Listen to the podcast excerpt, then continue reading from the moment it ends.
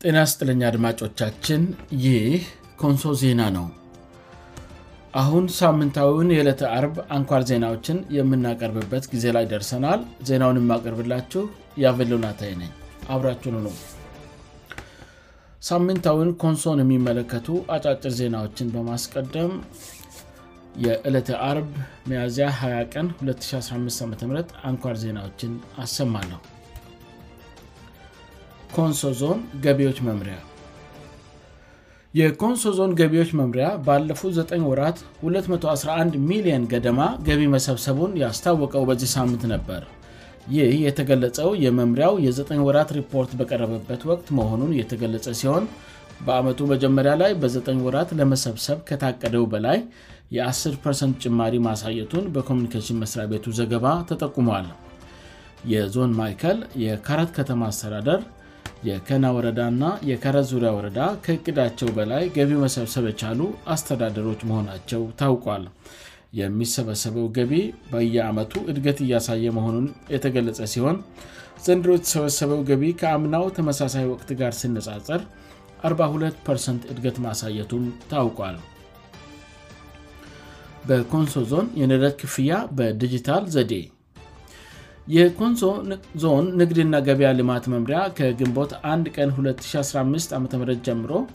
የነዳጅ ግብይት አፈጻፀምን በኤሌክትሮኒክ መሣሪያዎች በመደገፍ በዲጂታል ዘደ ለማድረግ እንቅስቃሴ እያደረገ መሆኑ የተገለጸው በዚህ ሳምንት ነበር ይህ እርምጃ ያስፈለገው የነዳጅ ብክነት ና ሌብነትን ለመከላከል አስተዋጽኦ እንደሚያደርግ የመምሪያው ኃላፊ አቶ ገልገሎው ገልሾን ጠቅሶ የዞን መንግስት ኮሚኒኬሽን ዘግቧል በአዲስ አበባ ከተማ የነዳጅ ግብይት ከሚያዚያ 16 ቀን 2015 ዓም ጀምሮ ሙሉ በሙሉ በዲጂታል ዘደ መደረጉን ተከትሎ በአንዳንድ የአገልግሎቱ ተጠቃሚዎች ላይ አሉታዊ ተጽዕኖ ጭምር እየፈጠረ መሆኑ በተለያዩ ሚዲያዎች እየተዘገበ ይገኛል በጋቶ ቀበለ የተፈጠረው ግጭት በደራሽ የልዩ ወረዳ ጋቶ ቀበለ በተፈጠረ ግጭት ሁለት ሰዎች መገደላቸው የአሜሪካ ድምፅ ቪኤ የዘገበው በዚ ሳምንት ነበር የግጭቱ መንስኤ የውሰን አከላለል ችግር መሆኑ የተገለጸ ሲሆን መንደር 1 እና መንደር ሁለት የተባሉ የኩሱሜ ማህበረሰብ መንደሮች በአንድ ላይ ሆነው ውይይት በማካሄድ ላይ በነበሩበት ወቅት ተኩስ በመከፈቱ ሁለት ሰዎች መገደላቸው እና አምስት ሰዎች ደግሞ መኩሰላቸው የአይኒማኞችን ጠቅሶ የአሜሪካ ድምጽ ራዲዮ ቪኦኤ ሚያዚ 17 ቀን 2015 ዓም ዘግቧል የደቡብ ክልል ፖሊስ ኮሚሽን ኮሚሽነር አለማዮ ማሞ ከሞዋቾቹ መካከል አንደኛው የጸጥታ አካል የሆነ ምልሻ መሆኑን ገልጸው የግጭቱ መንስኤም ከዚህ በፊት በነበሩ ግጭቶች እርቅ የማይፈልጉ ሰዎች አካባቢውን ለማሸበር የወሰዱት እርምጃ መሆኑንም ጨምረው ተናግረዋል ይህ ኮንሶ ዜና ነው አሁን በዝርዝር የሚቀርቡ ዜናዎችን አሰማለሁ በቅድሚያ ርእሴ ዜናዎቹ በደቡብ ኦሞዞን ሳላማጎ ወረዳ በተቀሰቀሰ ግጭት 11 ሰዎች ተገደሉ የአማራ ብልጽግና ፓርቲ ኃላፊ አቶ ግርማ የሽጥላ መገደላቸው ተገለጸ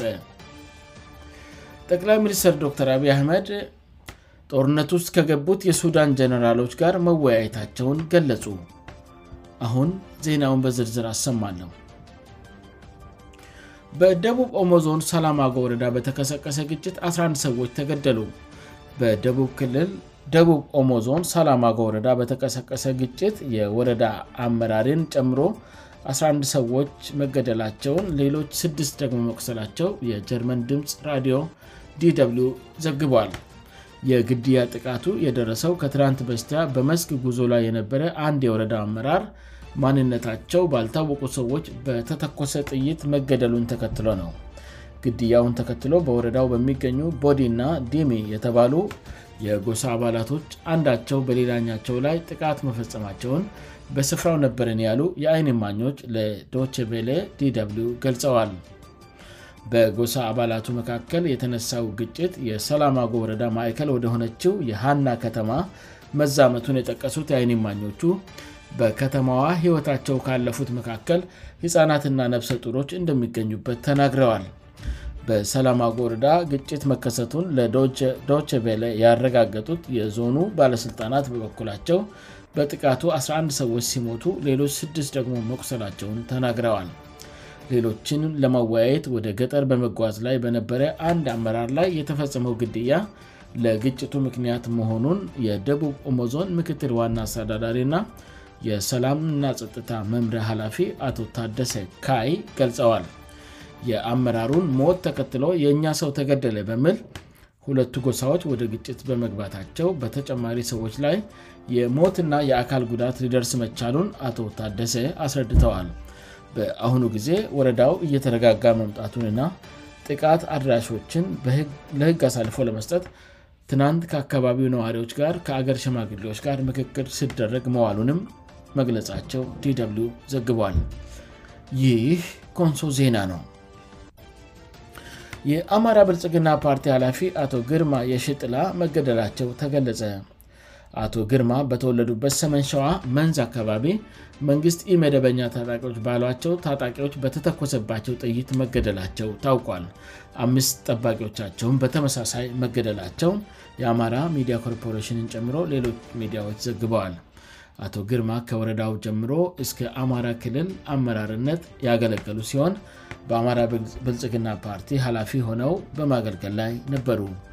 የአቶ ግርማንግድያ በጠቅላይ ሚኒስሩ ባወጡት የሐዘን መግለጫም ተረጋግጧል ጠቅላይ ሚኒስሩ በሐዘን መግለጫቸው ሀሳብን በሀሳብ ማሸነፊ ቃታቸው አካላት የወንድማችንን የግርማ የሽጥላን ነብስ ነጥቀዋል ብለዋል አክለውም ልዩነትን በሰለጠነ መንገድ መፍታት ባይል በሆነበት በ21ኛው ክፍለ ዘመን በሀሳብ የተለየን ሰው ሁሉ በጠመንጃ ለማሳምን መነሳት የፅንፈኝነት የመጨረሻው ጥግ ነው ስሉም ገልጸዋል ተወልዶ ባደገበት አካባቢ ከኛ የተለየ ሀሳብ ማሰብ አልነበረበትም ብለው የሚያምኑ ነውጠኛ ፅንፈኞች የፈጸሙት አስነዋሪ ና አሰቃቂ ተግባር ነው ፅንፈኝነትን በጊዜ ታግለን ካላስ ወገድ ነው ወደ መጨራረስ እንደሚወስደን ይህ ጉልህ ማሳያ ነው ስሉም በድርጊቱ ማዘናቸውን ጽፈዋል ይህ ኮንሶ ዜና ነው በመጨረሻም ጠቅላይ ሚኒስትር ዶር አብ አህመድ ጦርነት ውስጥ ከገቡት የሱዳን ጀነራሎች ጋር መወያየታቸውን ገለጹ ጠቅላይ ሚኒስር ዶር አቢ አህመድ በሱዳን ጦርነት ከተቀሳቀሰ በኋላ ለመጀመሪያ ጊዜ ከሱዳን ተፋላሚ ኃይሎች ጋር መወያየታቸውን አስታውቀዋል ጠቅላይ ሚኒስትሩ ከጀነራል አልቡርሃንእና ከጀነራል ዳጋሎ ጋር በስልክ መነጋገራቸውን ተናግረዋል ጀነራል ዳጋሎም ከጠቅላይ ሚኒስትሩ ጋር መነጋገራቸውን ያረጋገጡ ሲሆን ጠቅላይ ሚኒስትሩ ሱዳን ከችግር እንዲትወጣ ድጋፍ አደርጋለው ማለታቸውንም ገልጸዋል በሱዳን በሱዳን ጦርና በጀነራል ዳጋሎ በሚመራው ፈጥኖ ደራሽ ኃይል መካከል የተጀመረው ጦርነት ከተቀሰቀሰ 2 ሳምንታት ሆኖታል በዚህም ውቅያ ከ600 በላይ ንጹሐንና ከ60በላይ ንጽሐን መገደላቸውን ና በሺዎች የሚቆጠሩ ደግሞ መኩሰላቸው እየተዘገበ ይገኛል ሁለቱ ተፈላማ ወገኖች ጦርነቱን እንዲያቆሙ በተደጋጋሚ የቀረበው ጥሪ ሳይሳካ የቆየ ሲሆን በቅርቡ በአሜሪካና በሳዲ አረቢያ አደራዳርነት የተደረሰው የተኩሱ አቁም ስምምነት በከፊል ተግባራዊ ሆኗል በርካታ ሀገራት ዜጎቻቸውን ከሱዳን በማስወጣት ላይ ናቸው ከውጭ ሀገራት ዜጎች በተጨማሪ ሱዳናውያንም ሀገራቸውን ለቀው ወደ ተለያዩ አገራት እየተሰድዱ ናቸው የተባበሩት መንግስታት ድርጅት ተመድ የሱዳን ተፋላሚ ኃይሎች ለመደራደር ዝግጁነት አላሳዩም ብለል ይህ ኮንሶ ዜና ነው አድማጮቻችን የዛሬውን የዕለተ 4ርብ መያዝያ 20 ቀን 2015 ዓም ሳምንታዊ አንኳል ዜናዎችን ከማብቃቴ በፊት የዋና ዋና ዜናዎቹን አሬስት በድጋሚ አሰማለሁ በደቡብ ኦሞዞን ሳላማጎ ወረዳ በተቀሰቀሰ ግጭት 11 ሰዎች ተገደሉ የአማራ